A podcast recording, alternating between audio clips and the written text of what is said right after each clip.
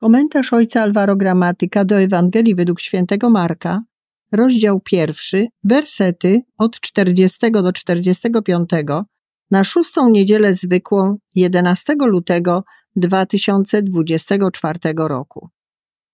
Pewnego dnia przyszedł do Jezusa trędowaty i upadłszy na kolana prosił go: Jeśli zechcesz, możesz mnie oczyścić.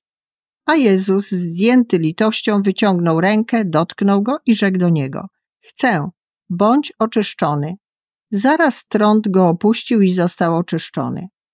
Jezus surowo mu przykazał i zaraz go odprawił, mówiąc mu: Bacz, abyś nikomu nic nie mówił, ale idź, pokaż się kapłanowi i złóż za swe oczyszczenie ofiarę, którą przepisał Mojżesz, na świadectwo dla nich. Lecz on po wyjściu zaczął wiele opowiadać i rozgłaszać to, co zaszło. Także Jezus nie mógł już jawnie wejść do miasta, lecz przebywał w miejscach pustynnych, a ludzie zewsząd schodzili się do niego. Ewangelia opowiada o spotkaniu Jezusa z trędowatym, które jest pierwowzorem tego, jak Bóg wychodzi na spotkanie każdego z nas. Zgodnie z ówczesną tradycją żydowską, jeśli ktoś miał coś dziwnego na skórze, musiał udać się do kapłana, który to sprawdzał. W przypadku wykrycia trądu był wykluczony z wszelkiego życia społecznego i religijnego, dopóki nie został całkowicie uzdrowiony. Trędowatemu nie pozostawało nic innego, jak tylko żyć jako osoba wykluczona i czekać, aż być może wyzdrowieje i ponownie miał się stawić przed kapłanami na badanie, a tym samym ponowne dopuszczenie do życia społecznego i religijnego po złożeniu ofiary przepisanej przez prawo. Cała ta procedura pokazuje, jaki był rodzaj relacji z Bogiem. Bóg patrzy na nas, osądza nas i wydaje swój osąd, czy nadajemy się do przebywania w Jego obecności. Tylko ten, kto jest czysty, może żyć w komunii z Bogiem i z innymi ludźmi. Jezus wprost przeciwnie, proponuje inny sposób podobania się Bogu i ludziom. Patrzy na trędowatego, aby go uzdrowić i przywrócić mu komunię, nie poddając go żadnej kontroli. I to wszystko za darmo.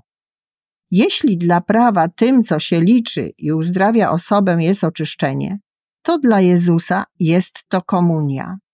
Z tej perspektywy trąd staje się powodem do zbliżenia się do Jezusa, a nie do oddalenia się, a Bóg staje się przyjacielem potrzebujących.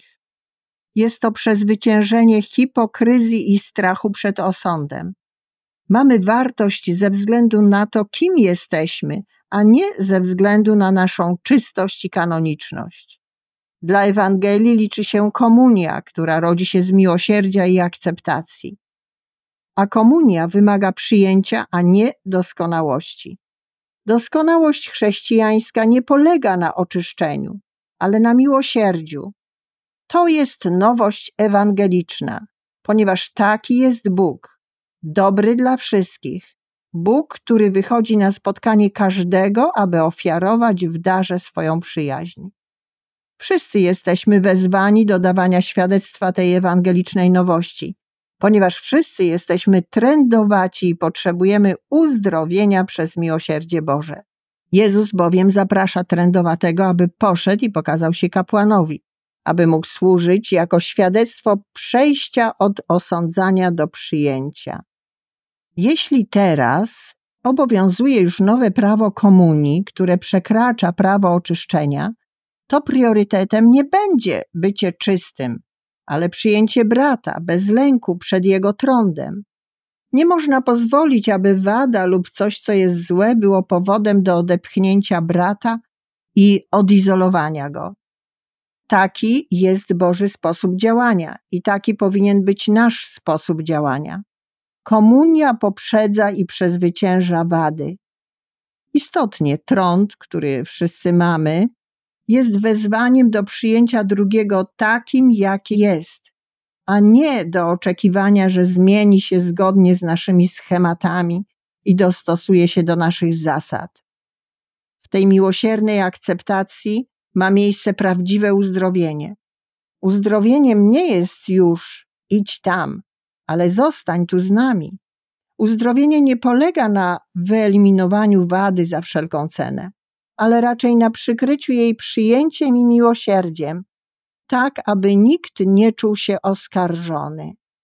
To dawanie każdemu i wszystkim możliwości czucia się kochanym. Akceptacja pozwala nam nie bać się tego, kim jesteśmy i nie bać się osądu Boga i innych.